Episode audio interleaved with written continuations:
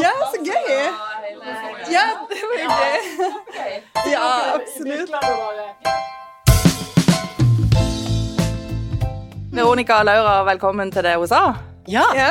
Ja, Og så har jeg akkurat skjønt at du heter Laura Kristine. Nei, Kristina. Ja. Men at du egentlig bruker bare Laura nå. Ja. Men eh, jeg er litt nysgjerrig på dere begge, men jeg har lyst til å begynne med deg, Laura. Eh, hva, er det som, eh, hva er det som driver deg? Du har gjort så utrolig mye forskjellig. Ja. Ja, det er rart. Rett på. The hard question. Nei, eh, hva som driver meg, det har jeg lurt veldig på, egentlig. For det, min drøm var jo å bli fysioterapeut. Så jeg var fysioterapeutassistent et halvt år, og eh, eh, skulle inn på en skole i Edinburgh. Men så var det et eller annet med søknaden og uansett, det ble utsatt. Jeg kom meg ikke til Edinburgh det året. Og da fikk jeg sånn at eh, Kan du ikke bare ta et år på folkehøyskole? Please, liksom. Fra foreldre og sånn som kanskje tenkte at det var noe mer, noe annet jeg burde gjøre før jeg gikk inn i det ganske sånn harde studiet med fem år fysioterapiutdannelse. Og så, så begynte jeg, kom jeg inn på en skole hvor rektor var skaperen av Pompel og Pilt. Og eh, så kom jeg inn på dukketeaterlinje, og jeg bare Herlig land, hva skal jeg gjøre her, liksom? Men så begynte jeg jo å jobbe døgnet rundt med å lage dukker og med å spille. Jeg hadde aldri prøvd den sida, egentlig, i meg. Um, og så fikk jeg så mye energi at, uh, at jeg tenkte her er det noe. Um, her er det et eller annet. Det er en deilig verden å ha så mye energi og kunne skape så mye og kunne gi så mye til andre som det jeg etter hvert lærte meg å gi, da. Og så var det en skole i Fredrikstad hvor de tok inn eh, studenter annethvert år, og bare seks elever. Og han læreren min mente jeg burde søke, og jeg lo. Jeg måtte synge og greier. Det er liksom sånn helt utenkelig for et halvt år siden for meg, var det. Men så gjorde jeg det, og så kom jeg inn, og så ble det liksom livet mitt på en måte. Eh, 20 år har jeg jo vært eh, Det var jo en, veldig, en skole hvor de beste kunstnerne i Europa kom og underviste oss seks elever. Det var helt vilt. Så vi ble jo drilla i alt vi gjorde, måtte jo forsvares, og vi måtte jo Det var sånn skikkelig, skikkelig skole. Så når jeg spør deg da hva det er som driver deg, Ja. så er det egentlig den energien Ja. som du får. Ja, faktisk. Jeg jeg er voksen nok til å kunne si det. At eh, jeg liker den energien nivået jeg kommer opp i. Og da føles det som om jeg blir dratt mot det. Det føles ikke som om jeg pusher meg noen vei. Skjønner du hva jeg mener? Det er nesten som å Ja, nå fikk jeg nesten sånn følelse av å svømme, men det er jo ikke det. Men det er, det er sikkert mye psykologi på det, jeg vet ikke hva det er. Men det gjør meg godt. Det føles riktig. Det, jeg gir noe til andre, selv om det er vanskelig vei å gå, nå frem til hva jeg skal. Um, så det, det er Ja. Energien. Ja. Ja, og da blir jeg litt nysgjerrig på deg også, Veronica. For eh, er det den energien du òg kjenner på når du skaper? For du, du skaper jo du òg, men du skaper jo noe helt annet. Ja, Ja. eh, ja absolutt. Jeg har jo Jeg gikk på det første sykehuset mitt Da var jeg tolv år gammel. Og så ble jeg helt hekta på å sy og lage klær, da. Så eh, var, jeg har aldri vært i tvil om hva jeg skal gjøre for noe. Det har alltid vært veldig bevisst at det er det jeg vil gjøre. det. Så, og det er jo selvfølgelig den følelsen det gir meg å holde på med det. Det er, ble helt sånn hekta. Liksom, når jeg får en idé, så må jeg bare få det ut. Og da får jeg jo også utrolig mye energi av det. Og så Og jeg hadde jo sånn jeg kunne føle meg dårlig hvis ikke jeg fikk eh, skapt noe på lang tid. da. Eh, så så det, det har liksom eh, vært i meg som en sånn grunnleggende eh, drive, da, på en måte. Ja, du har hatt en, hatt en drive i det hele Ja. tida.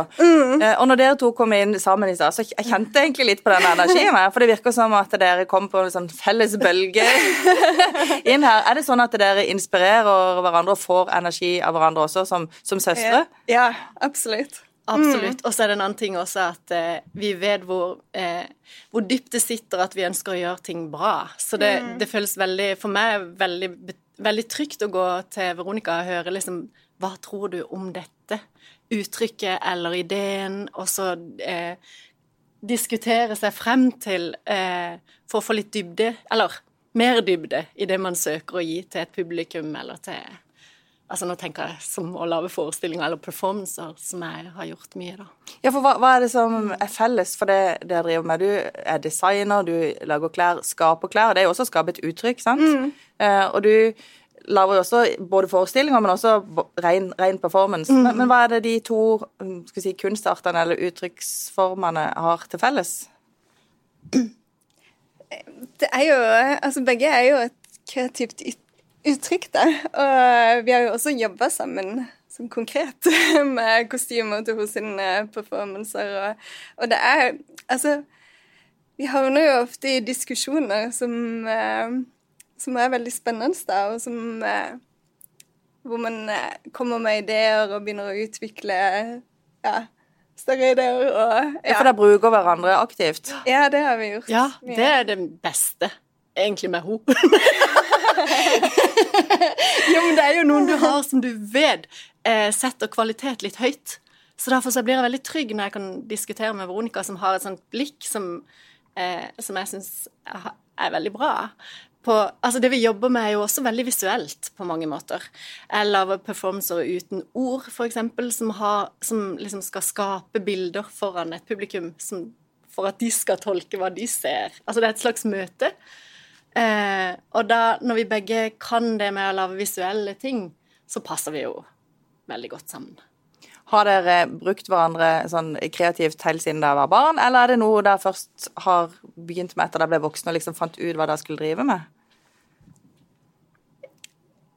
Ja, vi har jo eh, Altså, vi var vel eh, fem-seks år gamle når de satte opp forestillinger og fant fram masse kostymer. Så ja, det har nok Jeg lagde sånne forestillinger i ei trapp. Og tok fem kroner eller noe per foreldre som skulle inn og se. Det er veldig rart å tenke på. Ja. Men så gikk det jo en lang periode hvor vi ikke var Jeg var i hvert mm. fall ikke kreativ. Eller jeg tenkte ikke i det hele tatt så mye på kunst. Jeg skulle jo bli fysioterapeut. Det er ganske stor forskjell på de to yrkene. Ja, det er det. Men jeg tror det, sånn som jeg ser det nå, når jeg har begynt å gå eh, og også starte en ny ting, så, så er det vel dette her ønsket om å gjøre noe for andre som er litt mer konkret, på en måte. Som handler om den fysioterapien. Men mye av det du gjør nå, det er jo mm. ikke sånn kjempekonkret. Nei. hvis du skal prøve å forklare for lyttere som ikke har peiling på hva performance er, ja. og som kanskje tror at dette er noe som iallfall ikke er for de, mm. eh, går det an å si det på en enkel måte hva, hva det er? Um, performance for min del så er det uh, det er et um, Altså, det er et slags sånn live eh, Altså, du kommer inn i et rom, kanskje, eller ut på en, i en, et bygg, eller ut på et jorde, eller et eller annet. Det er litt som da, å se en danseforestilling, men for meg er det Når jeg lager det, så er det nært et publikum. Uh, det er egentlig Mitt ønske er å prøve å fortelle noe som er ekte, så det har en autentisitet i seg. Uh, jeg tenker litt sånn i forskjell fra teater. Det er jo mer et eh, annet type univers. Um, performance for min del er uh, Jeg har brukt mye naturelementer inn. Altså det er som å se et slags eh, en, Møte en annen verden som er visuell, med en skuespiller i. Eller performanceartist. Jeg tror jeg husker jeg første, gang, første gang jeg hilste på deg. Ja. Det tror jeg var i parkeringshuset til Kilden. Og du hadde med en hest. Ja. Enhjørning. En enhjørning, men det var, det var, jo egentlig en hest. Eller egentlig en enhjørning. Ja. men eh, kan ikke du fortelle, hva, eller bruke det som eksempel på hva en sånn performance er? Hva, hva gjorde du med den ja.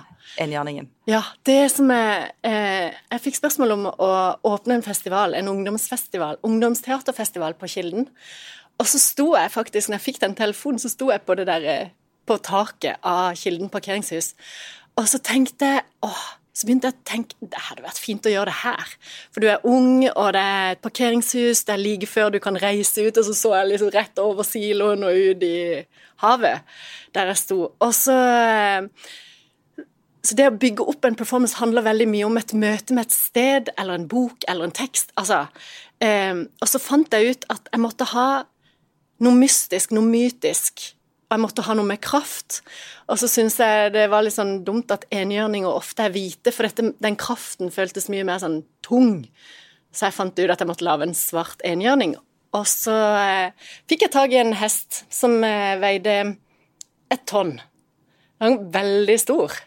Eh, og eh, så hadde jeg egentlig bare den til å gå gjennom scenografien og ned og møte, nesten møte publikum, og så gikk han opp igjen. Og så var det sånn Det er jo et sånn møte med en urkraft, på et vis. Men du, det å jobbe med sånne ting, det må Ja. jo være litt sånn, en litt sånn ensom greie, for det er jo ikke så mange andre liksom performanceartister. Det er ikke sånn at du at, at, det er- det er liksom ikke et stor, stort kollege. Nei, det er helt sant. Det er, og det er jo sånne refleksjoner man har gjort seg også under pandemien, når man ikke får skapt. Eh, det er eh, ensomt, og det er en hel Det er en side med det som er ganske sånn eh, Ja, tung. Når man er i startfasen av å bygge opp et nytt prosjekt. Da er man alene, og så bygger man det skritt for strikk, eh, skritt og søker penger og alle disse tingene. Og så møter man jo de man har involvert og skal eh, ha regi på og sånn. Um, elsker det. Jeg har jo ikke noe problem med å være alene, men man sparer jo på møter, og så Jeg drar jo fort til Oslo eller Berlin eller et eller annet sted for å treffe noen. For å få den samtalen med noen som vet litt hva det snakker om. Ja, for også du trenger å innimellom ha et fagmiljø. Ja, virkelig. Og da tenkte jeg litt på deg igjen, Veronica. For det, du har jo jobba med ditt eget eh, design, eh, og jobba med å bygge det opp. Yeah. Eh, og du har vært, og er jo et stort navn, både i Norge og, og internasjonalt. Og så har du satt det litt på pause nå, og nå jobber yeah. du på Kilden. Yeah. Men du jobber jo med faget ditt nå òg, med, med klær. Yeah, ja. Vil du si litt om det? Ja, det kan jeg. Ehm, ja, altså i forhold til det Jeg var jo ganske vant til å ha kollegaer enten i utlandet eller i andre byer. Og, eh, så det syns jeg var helt fantastisk å komme på Kilden og ha 200 sinnssykt hyggelige kollegaer. liksom. Var et helt nytt liv for meg. men eh, men eh, ja, det betyr mye å ha folk rundt seg som inspirerer og Ja, det gjør det. Samtidig så har jeg jo selvfølgelig hatt det i eget firma også, for jeg har jo hatt ansatte og eh, sam, faste samarbeidspartnere. Så det viktige er jo å finne de du liksom eh, klikker med, da, på en måte, som inspirerer deg.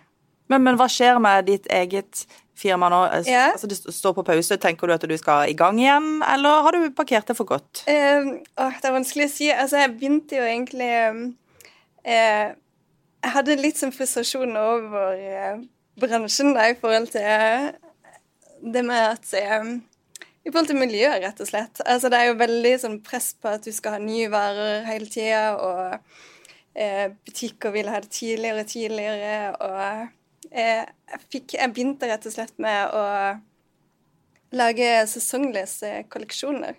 Og For meg har det alltid vært viktig å lage noe som er tidløst, som folk eh, føler seg vel i, og som vil gå med år etter år. Da. Og, eh, så, så da kom det opp et vikariat på Kilden, så tenkte jeg ja, det kan jeg godt eh, Det var et kort vikariat, da. Tenkte Det kan jeg godt kombinere med sesongløse kolleksjoner og litt for å prøve noe annet også, da. Og så, så var det jo så sinnssykt gøy å jobbe der. Så jeg ble liksom helt eh, dratt inn i det, på en måte. og så, så dukka det jo opp et sånn eh, vikariat som eh, leder for kostymeavdelinga der, som var i nesten to år. Og der fikk jeg, samtidig som jeg fikk det, så ble jeg også invitert til å holde show på eh, den offisielle motuka i New York, da, som har liksom vært en kjempedrøm for meg. da. Så jeg fikk jo litt sånn der eh, valgets kval, for å si det sånn. Men eh, også i forhold til at eh, Men hva gjorde du da? Valgte du? Hva valgte du? jeg valgte jo Kilden. Og, men det var litt eh, eh, Ja, altså Det er jo en lang historie bak, selvfølgelig. Det har vært så sinnssykt gøy å ha eget firma og oppleve så utrolig mye. Og så, så nå føler jeg bare at jeg er på et annet stadie i livet. Eller sånn, det er liksom en tid for alt. Det Men, men angrer du på det at du sa nei og valgte Kilden den gangen? Jeg fikk jo en liten sånn uh, Det var jo veldig vanskelig å ta det valget, da, selvfølgelig, men jeg er veldig glad for at jeg jobber på Kilden. Så det var, også, det var et riktig valg, men du kjenner allikevel litt på hva hadde skjedd hvis jeg det tatt det andre? Av og til. Ja. Men uh, uh, det er veldig uh, Altså, jeg hadde vel egentlig behov for å ha en litt mer stabil hverdag, da, på en måte. Det var, var jo veldig mye reising, selvfølgelig. Men Og vi har små barn, og jeg, jeg vet ikke, det føltes bare som at det var riktig nå, og jeg har ikke lagt det andre på hylla.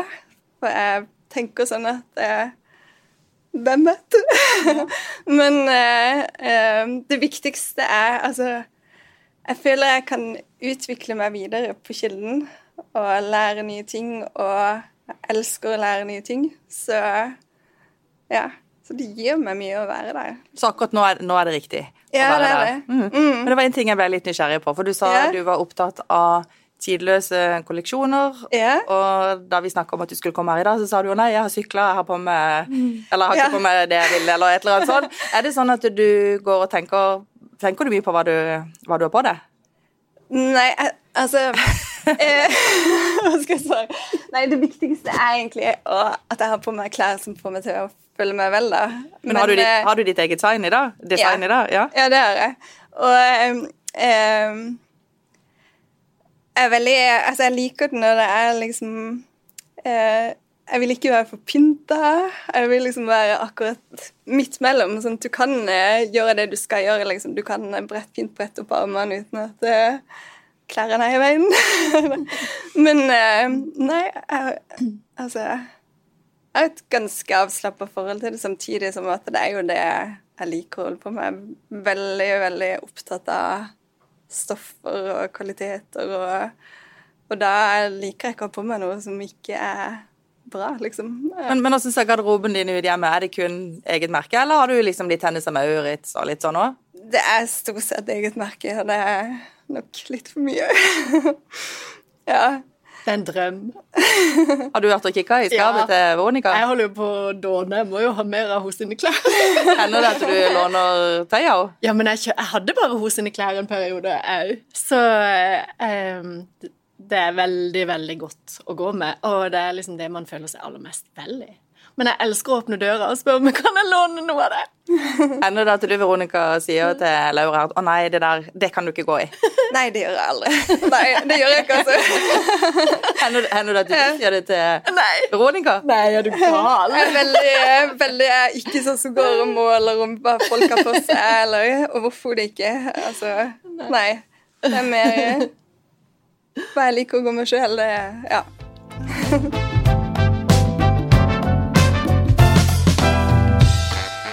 Du, Dere har jo begge to endt opp i kreative, skapende yrker. Eh, er det noe med oppveksten deres som har gjort at dere har valgt eh, de retningene dere har gjort? Vil dere fortelle litt om hvordan oppveksten har vært? Det, hva som har vært viktig for dere? ja.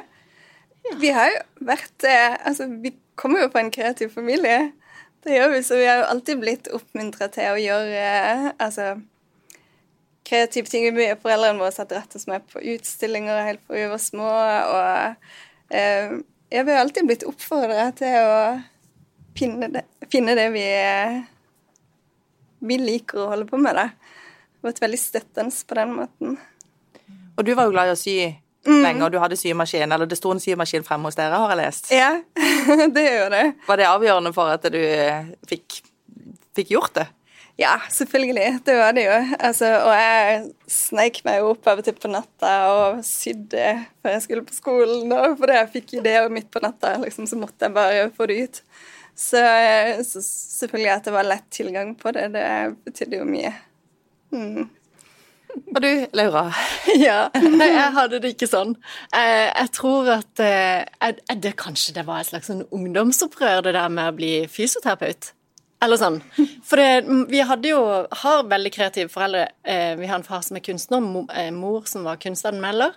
Og eh, som du sa, liksom Det var mye eh, uttrykk i huset, og masse bilder og eh, bøker. Mange bøker. Jeg elsker alltid bøker, det har jeg alltid likt. Og sånn, men eh, jeg hadde alltid en følelse at jeg skulle Ikke bli rik, men liksom Ja. Eh, gjør noe ordentlig. Veldig rart. Men det var jo helt feil tankegang. Eh, ja. For det er ikke penger og det som driver deg nå, eller det der Nei. at du liksom må være liksom noe vanlig? Nei, ingenting. Men jeg, samtidig, når du sier det, så tenker jeg jøss. Jeg husker den gangen jeg skjønte at det å være ressurssterk ikke handler om å nødvendigvis å ha penger, men det å være ressurssterk og ha et liksom eh, mange muligheter, eller se alle mulighetene man har. Men hva kan andre lære av dere, tenker jeg, i forhold til det å få til noe og tørre å satse på noe, selv om det er utradisjonelt eller annerledes? Altså, eh, hvordan kan dere formidle hva, hva, man skal gjøre hvis man virkelig tror på noe, men ikke er sikker på om andre liksom, er Ja. helt overbevist? Eh, jeg, jeg, jeg fikk bare lyst til å si litt, for det skjedde noe med meg under koronatida, egentlig. For da hadde var jeg i gang med en stor eh, utstilling på Kunstmuseet, og så uka før jeg skulle vise den, så ble Norge stengt ned. Og da, eh, da kjente jeg at da var jeg da ble jeg så redd for at jeg måtte betale tilbake alle pengene jeg hadde fått. og Veldig sånn konkret. Og så bare varte den nedstenginga kjempelenge. Og da begynte jeg nesten å bli litt sånn Hva skal jeg nå gjøre? Eh, det var nesten som om jeg var på vei ned i et hull, hvis du skjønner. Men så begynte jeg å tenke at den må jo være noe mer jeg kan gjøre i livet mitt, som kan inspirere andre. Og så, så begynte jeg å blogge om høner. Jeg fikk høner, og vi, jeg lagde sånn jord, åk og grønnsaksåk. Altså, jeg begynte bare å ta ett skritt av gangen. Det var egentlig det jeg ønsker å si. At, eh, og de skrittene jeg følte noen trengte å se at det var mulig å gjøre noe annet. Eh, og nå driver jeg jo og etablerer en ny sånn bedrift ut ifra den koronatida, egentlig. Men jeg ønsker Hvis jeg kan være til inspirasjon for noen, så hadde det vært en fantastisk eh, gave for meg å, å høre om jeg kunne være det. Jeg tror det er det der med å ta det ene skrittet og bare ta ett skritt av gangen. Og det er kanskje en metode du bruker da når du skal ha andre med på laget, til, Ja. å tro på det du, Ja. det du gjør? Ja, må vise. Og du må liksom eh, være litt tydelig hva du ønsker å gjøre, og ja. Um, men eh, ikke miste motet, liksom. Er det sånn at dere hjelper hverandre noen ganger hvis dere er i ferd med å miste motet? Har, har Laura hjulpet deg, Veronica, noen ganger når du har vært i tvil eller mista litt troa? Det er jo veldig godt å ha noen å diskutere med. Det er det. Så det hjelper jo veldig. Det gjør det. Og jeg var jo også litt i, i forhold til det spørsmålet du spurte i stedet. For det, eh, det var jo sinnssykt vanskelig å slå igjennom som klesdesigner. Så da var det jo mange steg man må Jeg var jo på et punkt hvor jeg tenkte det må være nå eller aldri, fordi at jeg fikk det liksom Det, var, det er jo beinhardt beinhardt yrke. Så, så da fikk jeg litt sånn her, OK, nå må jeg bare murte meg inn i fem uker og bare sydde og sydde og sydde. Og så fikk jeg folk med meg til å lage, ta bilder og lage katalog og Og så, så er det jo Du må egentlig bare svelle noen kamel, eller svelle stoltheten din, på en måte. Så jeg gikk jo rundt og eh, delte ut katalogen på Motuka i København. Og så var redaktøren fra Vogue der, og Så eh, det handler jo litt om å ikke gi opp, for der var det jo Jeg var liksom på grensen til å gi opp, og så var det som om det bare kom en eksplosjon, liksom. I løpet av én måned så var det presse i over 30 land, og ja, designpriser og Så jeg tror, jeg tror det er viktig at hvis du virkelig finner noe du har tro på, som du elsker å gjøre, så er det det der med å ikke gi opp, da.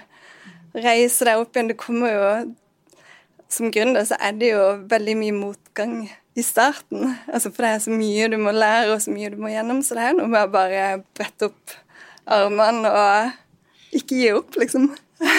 Og jeg tenker på det du sa nå, for det var egentlig akkurat det. Når, du, når du føles som verst, eh, da må du ikke Det er da det er viktig å ikke gi seg. Og det- føles det jo Ja. ekstra godt når du lykkes også, da. At du har vært gjennom Det har liksom Det har jo kosta litt, da, på en måte. For det, det ble et slags vendepunkt for deg ja. etter eh, den opplevelsen du beskrev nå i København? ja, det gjør det. Mm, det var jo en, et eh, kjempevendepunkt. Jeg hadde jo aldri drømt om at, eh, at det skulle bli så fantastisk som det ble. liksom. Men veien dit var jo veldig tøff, da. Så Ja. det er jo der mange faller av underveis, liksom, fordi det er en hard bransje. Så det er noe med det å bare ikke miste troa, på en måte. Men når var det du skjønte, da, at eh, men dette kan jeg faktisk få skikkelig til, og dette kan bli Ja. ordentlig stort? Var det der i, i København? Ja, det var det. Det var jo i eh, 2009, var det vel. Og så, handler det jo også om Altså, jeg møtte eh, lederen for Copenhagen Fashion Week da. Og så, så hun hadde jo også veldig troa på det, så de ga meg et gratis eh, show på Rådhuset i København. Det er egentlig var veldig fersk, da. Så eh, det betyr også noe å møte de som har troa på det, da, og hjelper deg frem. Og da Sesongen etter så vant jeg jo en designpris, som også var et gratis show eh, som premie. da, Og så bare ruller det på seg. altså Når du først er i den eh, ballen, så kan jo helt sånn ufattelige ting skje, liksom. Men åssen er det å være der, da, når du sitter på en sånn motevisning, hvis det er sånn det er, eller om Ja. du står, og så ser du bare at folk klapper, og at de liker det de ser, og du bare ja, altså, kan, du, Ja. kan du liksom ta oss med inn der og, og fortelle hvordan det er?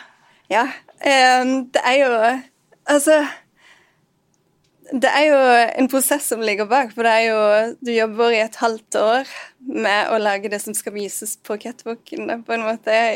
Altså den kolleksjonen og alt det som ligger bak. Så Så som regel når showet først kommer, så er du jo Altså, da har du jobba døgnet rundt, liksom, i ganske lang tid.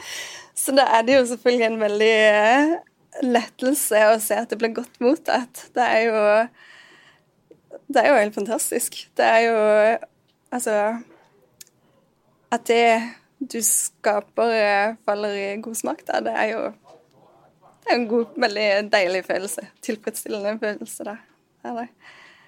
Så ja, jeg husker på, Vi hadde et show i, i LA, og da tok eh, produsenten med, med bak sceneteppet liksom, og sa sånn You have to see this. Og så åpna jeg opp sceneteppet, og så var det stappfullt av folk, og folk sto oppe, og det var folk som ikke kom inn. Så da var det jo liksom Å, shit, dette her er jo helt surrealistisk, eller sånn. Så det, men eh, det er noe med Altså det er ikke noe jeg går rundt og tenker på i hverdagen. Liksom. Det er bare eh, Du får noe igjen for, eh, for, det du gjør, da, på en måte. Men har du vært redd noen ganger når du har vært i de situasjonene for at de ikke skulle like det, du, det de ser, eller for at liksom, nei, du skulle få dårlige anmeldelser? Ja, altså selvfølgelig. Du blir jo vurdert hvert halvår, da. Så, og så er det jo presse. Det er jo fra hele verden da, som er relevant for, for meg, som er viktig for meg, som kommer. Så du er, har jo Altså folk som har sett det meste, på en måte, så du eh, Det er klart at nervene er der. det er det. Men eh, det handler jo egentlig bare om å tørre å stole på at det du gjør, er bra. Da. Ja, at du gjør ditt eget, liksom. Ikke prøve for hardt på å tenke på hva de vil like, men at du gjør det som eh, er riktig for, for deg, da. Ja. Er du, Laura, hvor nervøs er du når det kommer folk for å se det du har skapt? Jeg er kjempenervøs. Eh, noen ganger så ser jeg ut bare for å bli vant til, til den derre hvem som er der, hvis du skjønner sånn der pulsen. For det, det, jeg pleier som regel å ha folk ganske tett oppi meg når jeg spiller sjøl. Eh, og det er litt eh, det, er, det er, jo overveldende og deilig. Fantastisk. Eh, nei, det er jo det aller beste når du har lagd noe, at eh, du møter publikum, du, og det blir veldig sånn nært. Eh, man merker jo nesten eh, hva de tenker. det, er jo, det, er jo, ikke sant, men man føler jo en veldig sånn nærhet. Føler kontakt med ja, publikummet ditt. Mm. Men hva er du mest stolt av, da? av det jeg har gjort? Ja. Wow. Nei, jeg var veldig stolt at jeg fikk lov å sette et lysende hotellskilt og eh, iscenesette en stor bilulykke utenfor Eg psykiatriske sykehus for eh, ti år siden. Hva, hva, var det du skulle da, eh, da? da? skulle jeg flytte fra Det er jo ikke ti år siden, det er jo lenger. Men eh, da skulle jeg flytte fra Oslo til Kristiansand. Og da så jeg for meg et sted som jeg hadde lyst til å iscenesette i Kristiansand mens den flytteprosessen var i gang. Og da ringte jeg til Anders Wahlstedt, som var eh, sjef for eh, ja, Sørlandet sykehus avdeling psykiatri, og så spurte jeg om jeg fikk lov til å, eh, å iscenesette de sin toppetasje. ja, selvfølgelig! sier han. Men da hadde jeg jobba litt der eh, via et kultivarprosjekt med eh, Altså dette med kunst inn på psykiatri. Og, eh, så jeg var litt kjent, og de kjente til hvordan jeg jobba. Så jeg tror det var derfor at det, det ja-et kom ganske sånn umiddelbart. Og så, så jeg iscenesatte utenfor, og så måtte folk være med opp, og opp i toppetasjen. Og så hadde jeg iscenesatt ti eh, rom på tørkeloftet på Egg. Eh, Men, men du sa bilulykke, var det det de skulle ja. Jeg fikk en, eh, ja. For jeg, jeg fikk en sånn følelse av at eh, at dette er så tilfeldig, hvem som får en sykdom, og hvem som ikke gjør det, på en måte. Eh, så det ble veldig viktig for meg med den bilulykka. Eh, eh, ja, det høres bilulykker. bilulykka. Det var jo ikke en ekte bil, det var jo bare en bilvrak som vi fikk fra han, Bjarne Johansen. Eh, men det begynte der ute, da, i at noen kommer ut av dette bilvraket. Og så går de opp i toppetasjen og inn på et hotell. Som det heter The White Forest Hotel. Men er det publikum, da, som Ja. er oppe på dette loftet? Ja. På psykiatribygget? Ja, 30 stykker av gangen fikk vi. Eh, og da, hadde, da ble de fulgt eh, rundt av to små jenter som tok de med fra rom til rom til rom. Og så hadde Steinar Svenning, som var leder av Min Bean kafé, han serverte kaffe i det siste rommet. Så det ble en fantastisk opplevelse. Ja, det var virkelig bare noe som jeg bare Å, det skulle jeg likt å gjort en gang til, for det var vidunderlig. Mystisk. David Lynch-aktig. Hadde med en diger laks og greier. Nei, men det var et eventyr av mystikk, og også i et sted hvor du på en måte aldri er. Eller sånn Veldig få som har vært der. Opp, I hvert fall oppe på loftet, da. Du, Veronica, nå, vi, vi svinger litt i temaet, men Ja. hvordan syns du folk i Norge og på Sørlandet er til å, er til å kle seg? Er vi opptatt av mote? Eller er vi bare opptatt av å kle oss praktisk, sånn at vi kan sykle til jobb uten å bli skitne eller kalde eller blaute? Um, det er altså En eller annen grunn så er jeg ikke så opptatt av det. Jeg syns folk uh, kan kle seg som, eh, som de vil. Men det er jo klart det er jo mer inspirerende å komme til København og Paris, selvfølgelig. Da blir du jo inspirert når du ser folk på gata ofte, fordi de har sin egen stil. Her tror jeg nok folk kanskje ikke er Det er ikke noe de går så opp i, på en måte. Og det er jo også helt greit, selvfølgelig. Ja. Så, men eh, noe jeg syns er veldig bra, er jo å gå for det Altså at folk er bedre til å kjøpe plagg som varer lenge, da. Det har nok alltid vært viktig for meg at eh, at det skal være at, Å lage plagg som folk blir glad i, liksom. Det har alltid betydd mye for meg. Og jeg er veldig opphengt i stoffer, at det er gode kvaliteter. Og, Er du sånn som går an og kjenner på tøyet? ja, det? Ja. virkelig.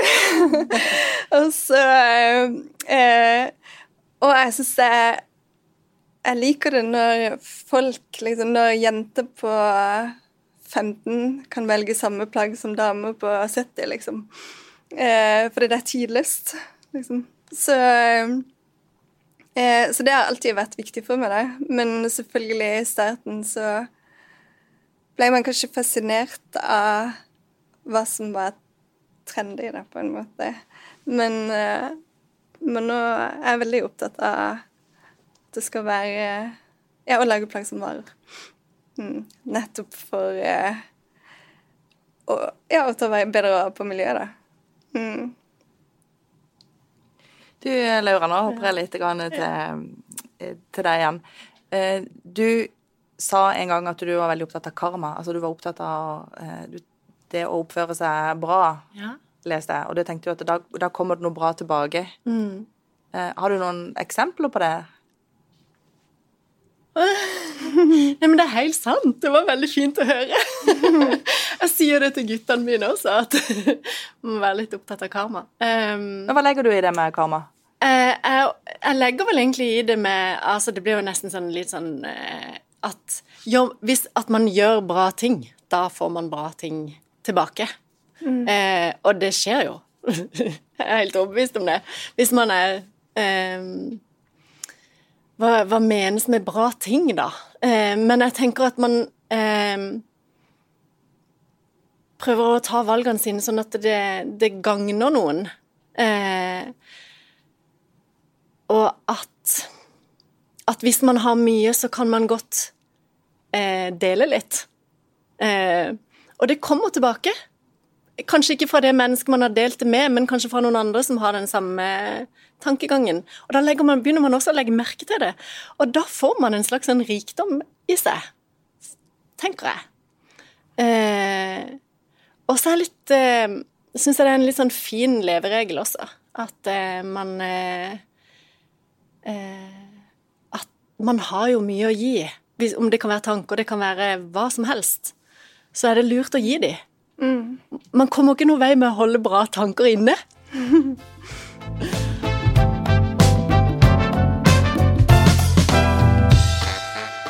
Men det er det av og til sånn at du våkner om morgenen og så tenker du at åh nei, nå skulle jeg ønske at jeg hadde en helt en vanlig fast jobb som jeg liksom bare kunne gjøre, gjøre, akkurat den oppgaven, og så var jeg ferdig.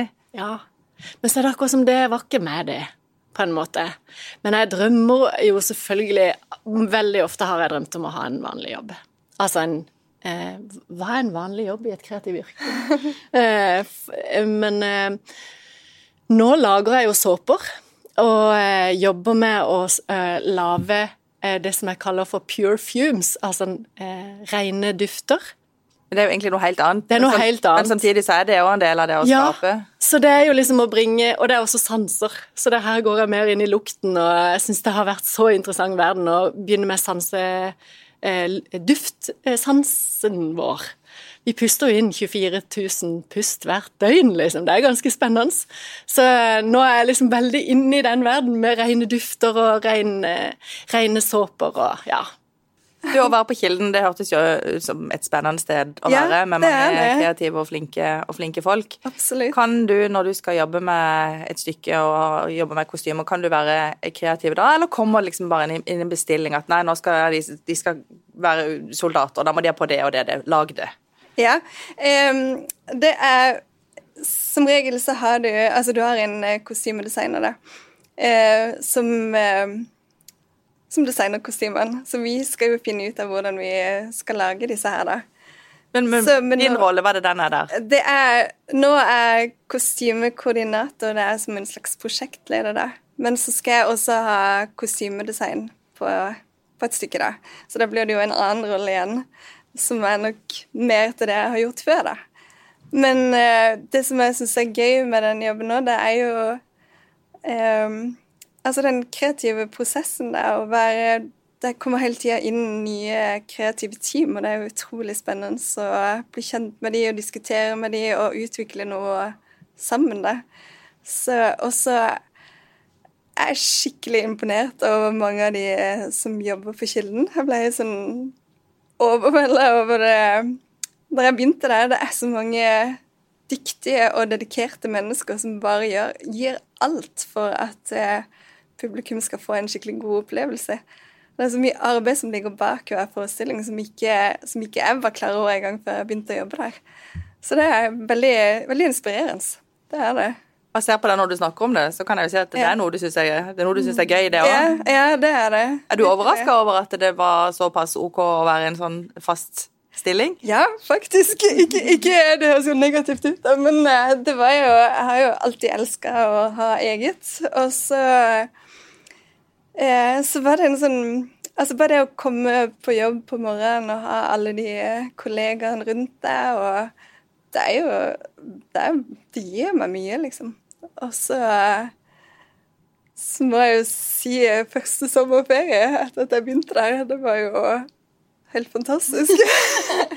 jeg er jo vant til å ha, altså, å ha show både hver august og hver februar. Så både sommerferie og juleferie har jo vært hektiske, da. Så første sommerferie så var jeg sånn Kan jeg ligge her på stranda? Er det liksom, er det lov? Kan jeg bare kan jeg bare ha fri? liksom. Så det er, jo, det er jo også veldig godt, da. Det er det. Samtidig som det er veldig mye godt med å ha eget også.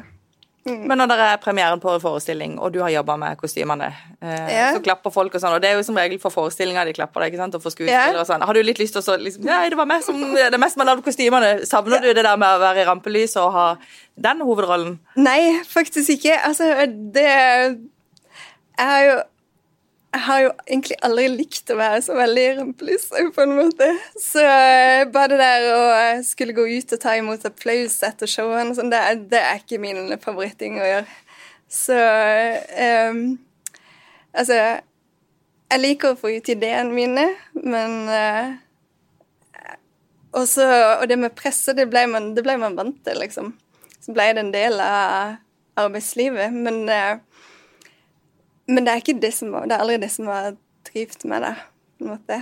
Det er det å få ut det kreative som har drevet meg. Liksom. Du, vi har noen faste poster i, i podkasten, og det ene er jo det der med å fremsnakke en annen dame. Uh, jeg tenkte vi kunne gjøre det. Ja. Har du lyst til å begynne, Veronica? Det kan jeg gjerne. Jeg syns det er veldig vanskelig å velge å velge én. For jeg, jeg har, jeg har to, eh, to som har betydd utrolig mye for meg da, i, i forhold til karriere også. Det er ei som heter Bjørg Nordli Mathisen, som lager eh, smykker, som heter Bjørg Jewelry. Og så ei som heter Esra Røise, som eh, er illustratør. da. Og vi, vi møttes Jeg møtte begge to et, i løpet av ett år, og begge egentlig på samme måte. da, At vi begynte å like hverandres ting. Og så bare eh, så fikk jeg en mail sånn kan, eh, kan vi ikke ta en kaffe når du er i Oslo? Og så, så møttes vi, og så var det bare full klaff. da, Så har vi samarbeida siden.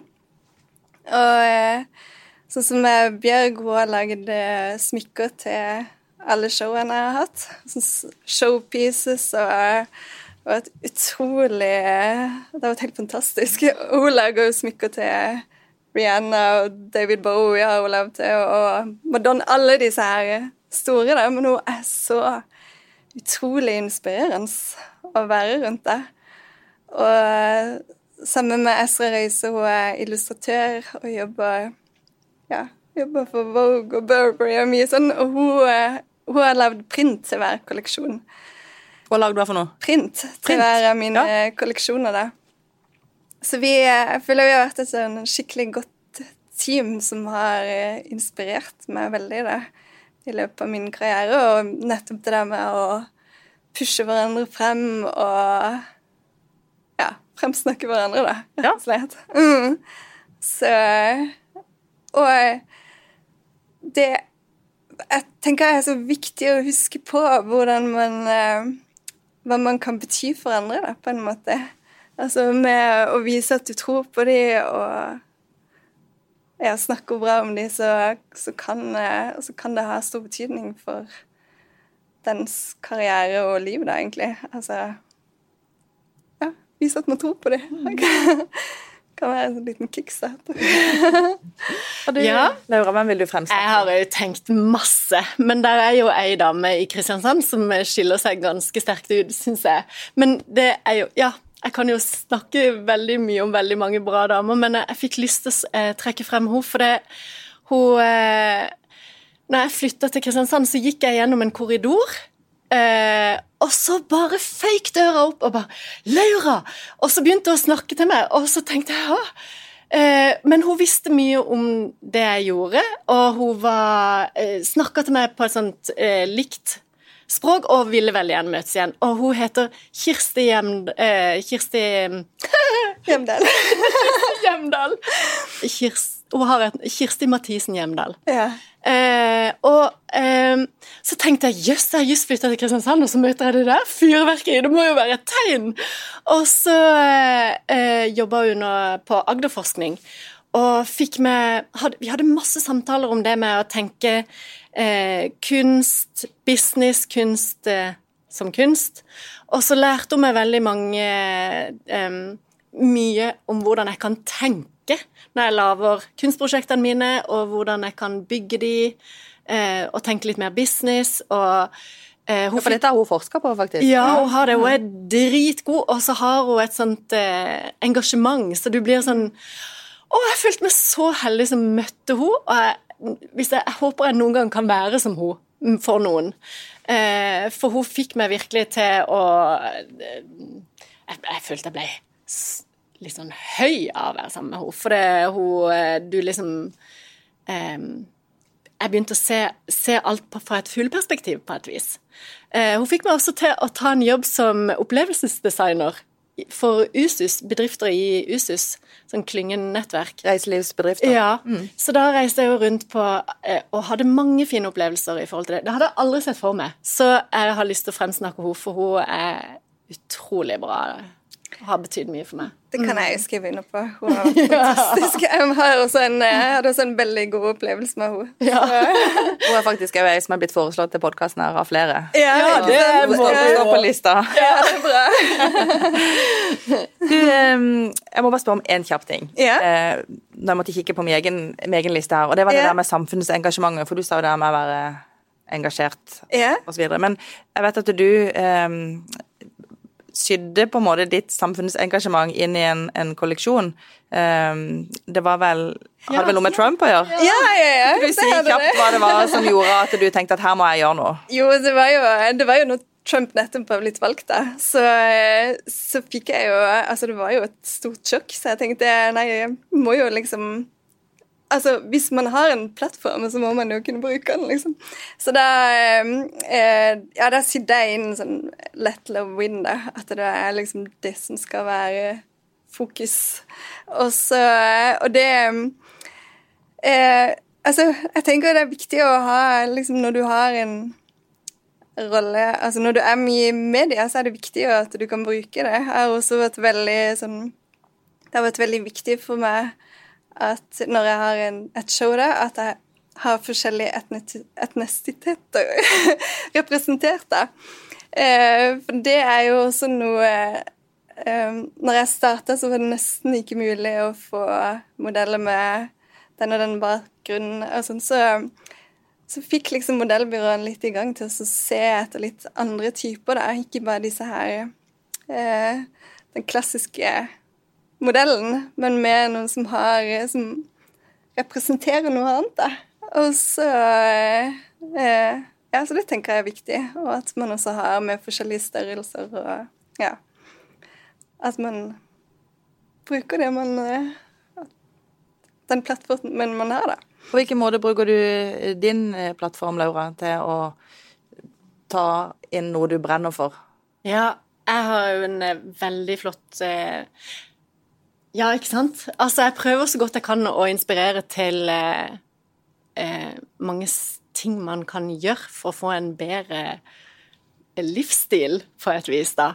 Eh, men jeg fikk bare plutselig tenkte jeg på Anne Franks søsken, som jeg var med og regisserte, som bare bygde seg videre og videre og videre og varte veldig lenge. Og da jobba du sammen med Eh, Birgit Birgit Amalie Nilsen Ja. på Kilden? Mm. Og da var det Det var rett, etter, rett under flyktningkrisa vi begynte å bygge denne forestillinga.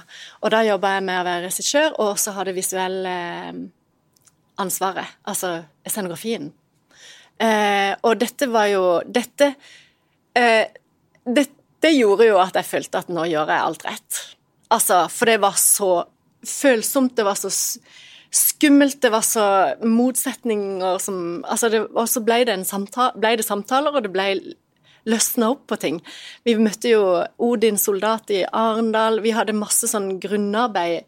Og så var det faktisk ganske tilfeldig at eh, de, vi inviterte mange flyktninger som hadde til en sånn samtale. Og så trodde vi at alle hadde lyst til å være med, men det var jo ikke sånn, selvfølgelig. Men eh, Så vi endte opp med eh, syv, tror jeg, skuespillere som eh, alle var fra Syria. Eh, og det var jo veldig flott, egentlig, hvordan eh, Det ble jo bare folk fra Syria, men da hadde de allikevel en sånn Det var jo veldig aktuelt. Eh, det var et veldig, veldig sterkt prosjekt, og det gjorde at jeg endra ganske mye Tanken rundt hver gang jeg lager et prosjekt nå, lager en performance, så har jeg helt automatisk med en, et annet eh, verdensbilde, på en måte, inni det jeg lager, da.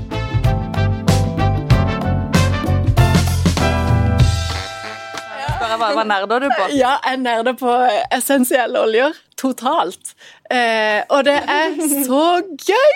Det er liksom sånn eh, Da, eh, da leser jeg om Å ja, patchouli, hva er det for noe? Og så leser jeg alt om patchouli-olje, at det har liksom br vært brukt i, fra, i, i parfymeindustrien mange, mange år.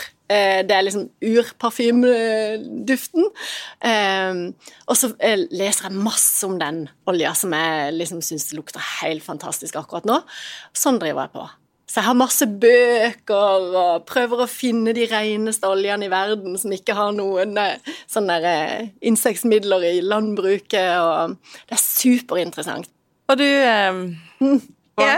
Nerder du på noe? Ja, det gjør jeg. Jeg er veldig sånn um, ja, Det er nok taktilt, da, på en måte. Jeg kan få sånn Når jeg går inn i et rom og ser en stol, eksempel, i et veldig fint tre, så må jeg bare bort og ta på det treet. Ble helt sånn øh. Og det samme med, med stoffer, da. Jeg har jo Altså, det å kjenne hvordan stoffer føles, og hvordan det faller, og den eh, følelsen det gir deg når du har det inntil kroppen, da, det er, det er veldig viktig for meg. så jeg går veldig opp i det, da. Og, og det er også veldig inspirerende, liksom. Ja. Få en uh, idé til en hel kolleksjon bare med å se på noen stoffer. Det, ja.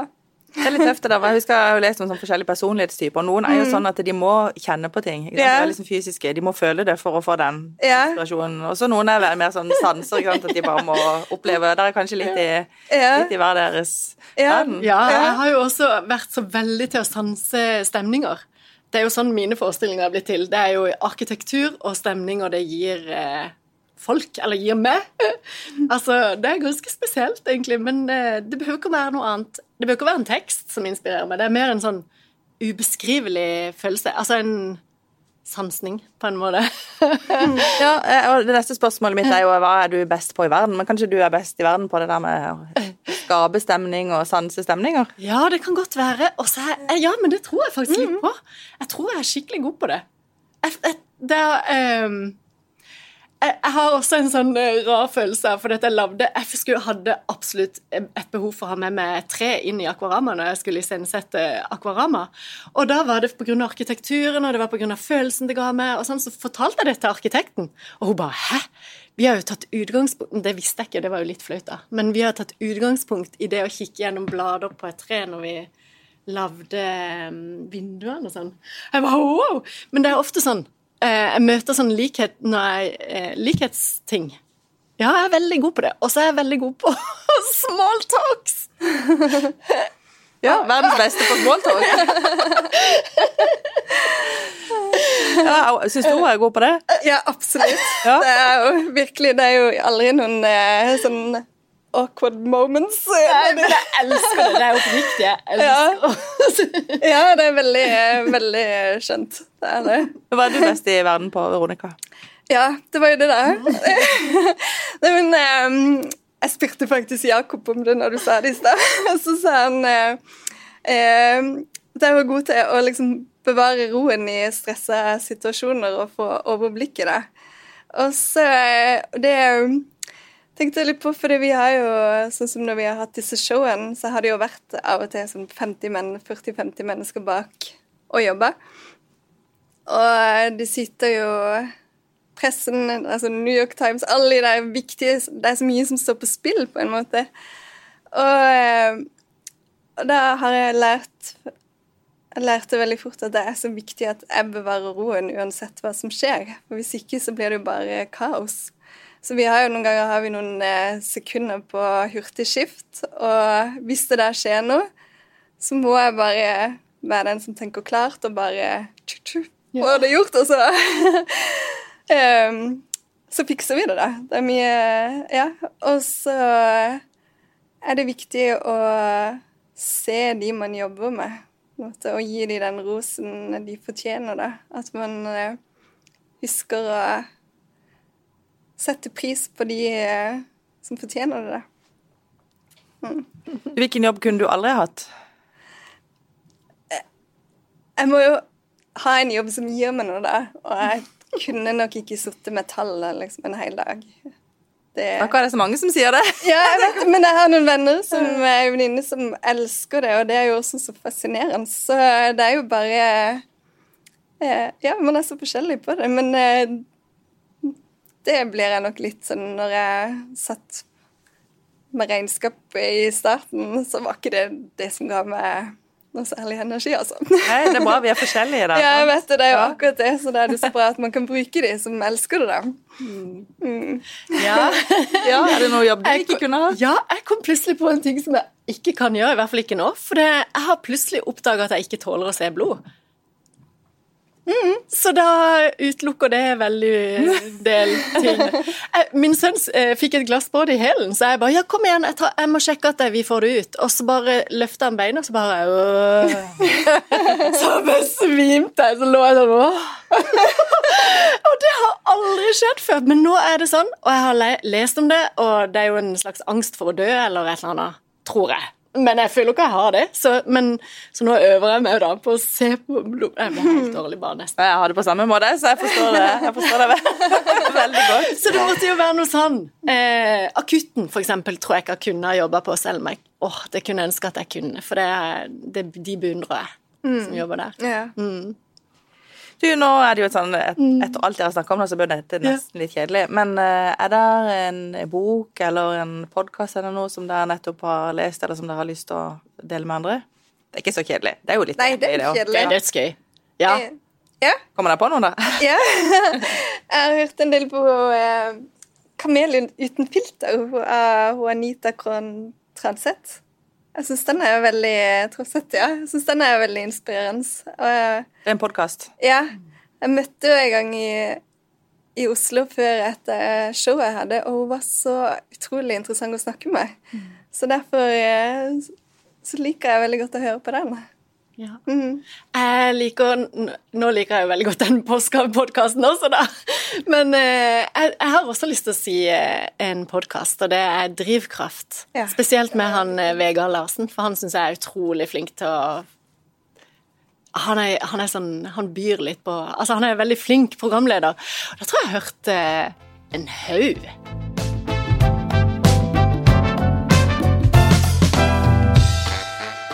Men eh, det er jo også det Jeg tenker jo ofte at det er mange som tror at eh, man har en drøm, liksom. Eh, altså at det bare er en drøm, hvis du skjønner. At ikke det er et mål, eller en eh, Altså at ikke Ja. det er et yrke. At ikke Ja, det fikk jo, det fikk jo jeg veldig ofte spørsmål Ja. om. Ja, på- Hvordan da? Eh, at um, Altså, jeg, ja, jeg får ofte høre at um, eh, Eller jeg husker når jeg ble 30, så ble livet bedre. For da, da ble jeg tatt seriøst. Og jo eldre jeg blir, og jo eh, inne i kunstverden, jo mer seriøst blir man tatt. Eh, I forhold til dette med at 'Å ja, men du lever vel ut en drøm, du'. Eh, det har jeg hørt så mange ganger, og jeg gjør ikke det. Jeg tenker ikke på det som Nei, en drøm i det sitter hele tatt. Det er en jobb. Ja, at det bare er noe du gjør på fritida, og at eh, Men kan du leve av det? Eh, og så er det jo livet mitt, på en Ja. måte. Så det er, det er så mange eh, måter å, å tenke det på. Eh, og jeg tenker også litt sånn som eh, idrettspsykologi, eksempel. At man, eh, man skal Det er litt sånn ekstremsport, det å lage et kunstprosjekt. Det er du, skal, du vet at du har en tidsplan, og du skal gjøre det beste du kan akkurat på den dagen, men frem til det så må du på en måte følge prosessen. Du må eh, Du må egentlig nesten analysere prosessen din du har sammen med medskaperne dine for å komme til den datoen der, f.eks., hvor du da skal gi jernet. Det er superspennende. Eh, men det er virkelig en hel sånn Det er liksom ikke noe drøm. Det er et Nei, det er slags mål. Eller, Og det er jo et prosjekt. det er et Ja. Som andre prosjekt som du skal gjennom. ja.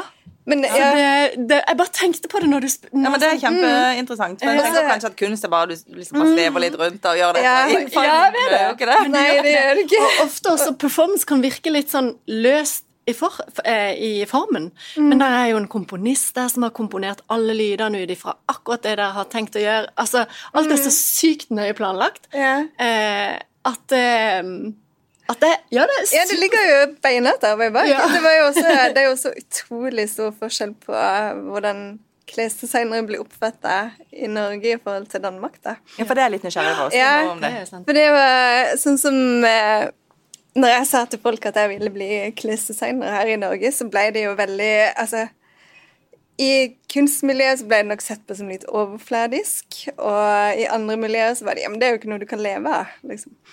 Og så var jeg sånn ja, men det, er- det jeg elsker å holde på med, liksom.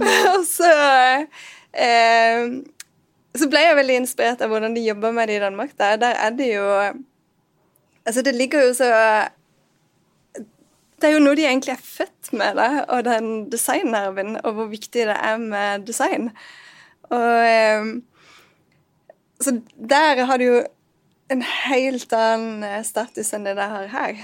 Fordi de vet hvor mye det kan eh, innbringe, og hvor Altså, de vet hvilken verdi det har, da, på en måte. Men tror du det er litt bevisst, ja, eh, Er det litt av det samme som de sier til Laura, da, om at det, Mm. du på en måte bare holder på med noe, det er bare en drøm, eller Ja. nesten litt sånn når du gjør for gøy, Ja. mens Mm. du må gjøre andre ting for å ha en ordentlig jobb. For å leve. Du må jo, Ja. Det er jo ikke det du kan tjene penger mm. eh, på. Og så, så er det jo det. Ja, det er det. Så så det er jo noe med hvordan eh, ja, Hvilke oppfattelser folk har av det. eh, av de som egentlig ikke vet hva det innebærer. Tusen takk for at dere ville fortelle og dele både råd og inspirasjon og erfaringer. Tusen takk. Takk for at vi fikk komme. Du har lytta til Federlandsvennens podkast 'Det hun sa' med Birgitte Klekken. Har du tips til andre bra damer vi bør snakke med, eller har du lyst til å dele inspirerende erfaringer fra ditt arbeidsliv?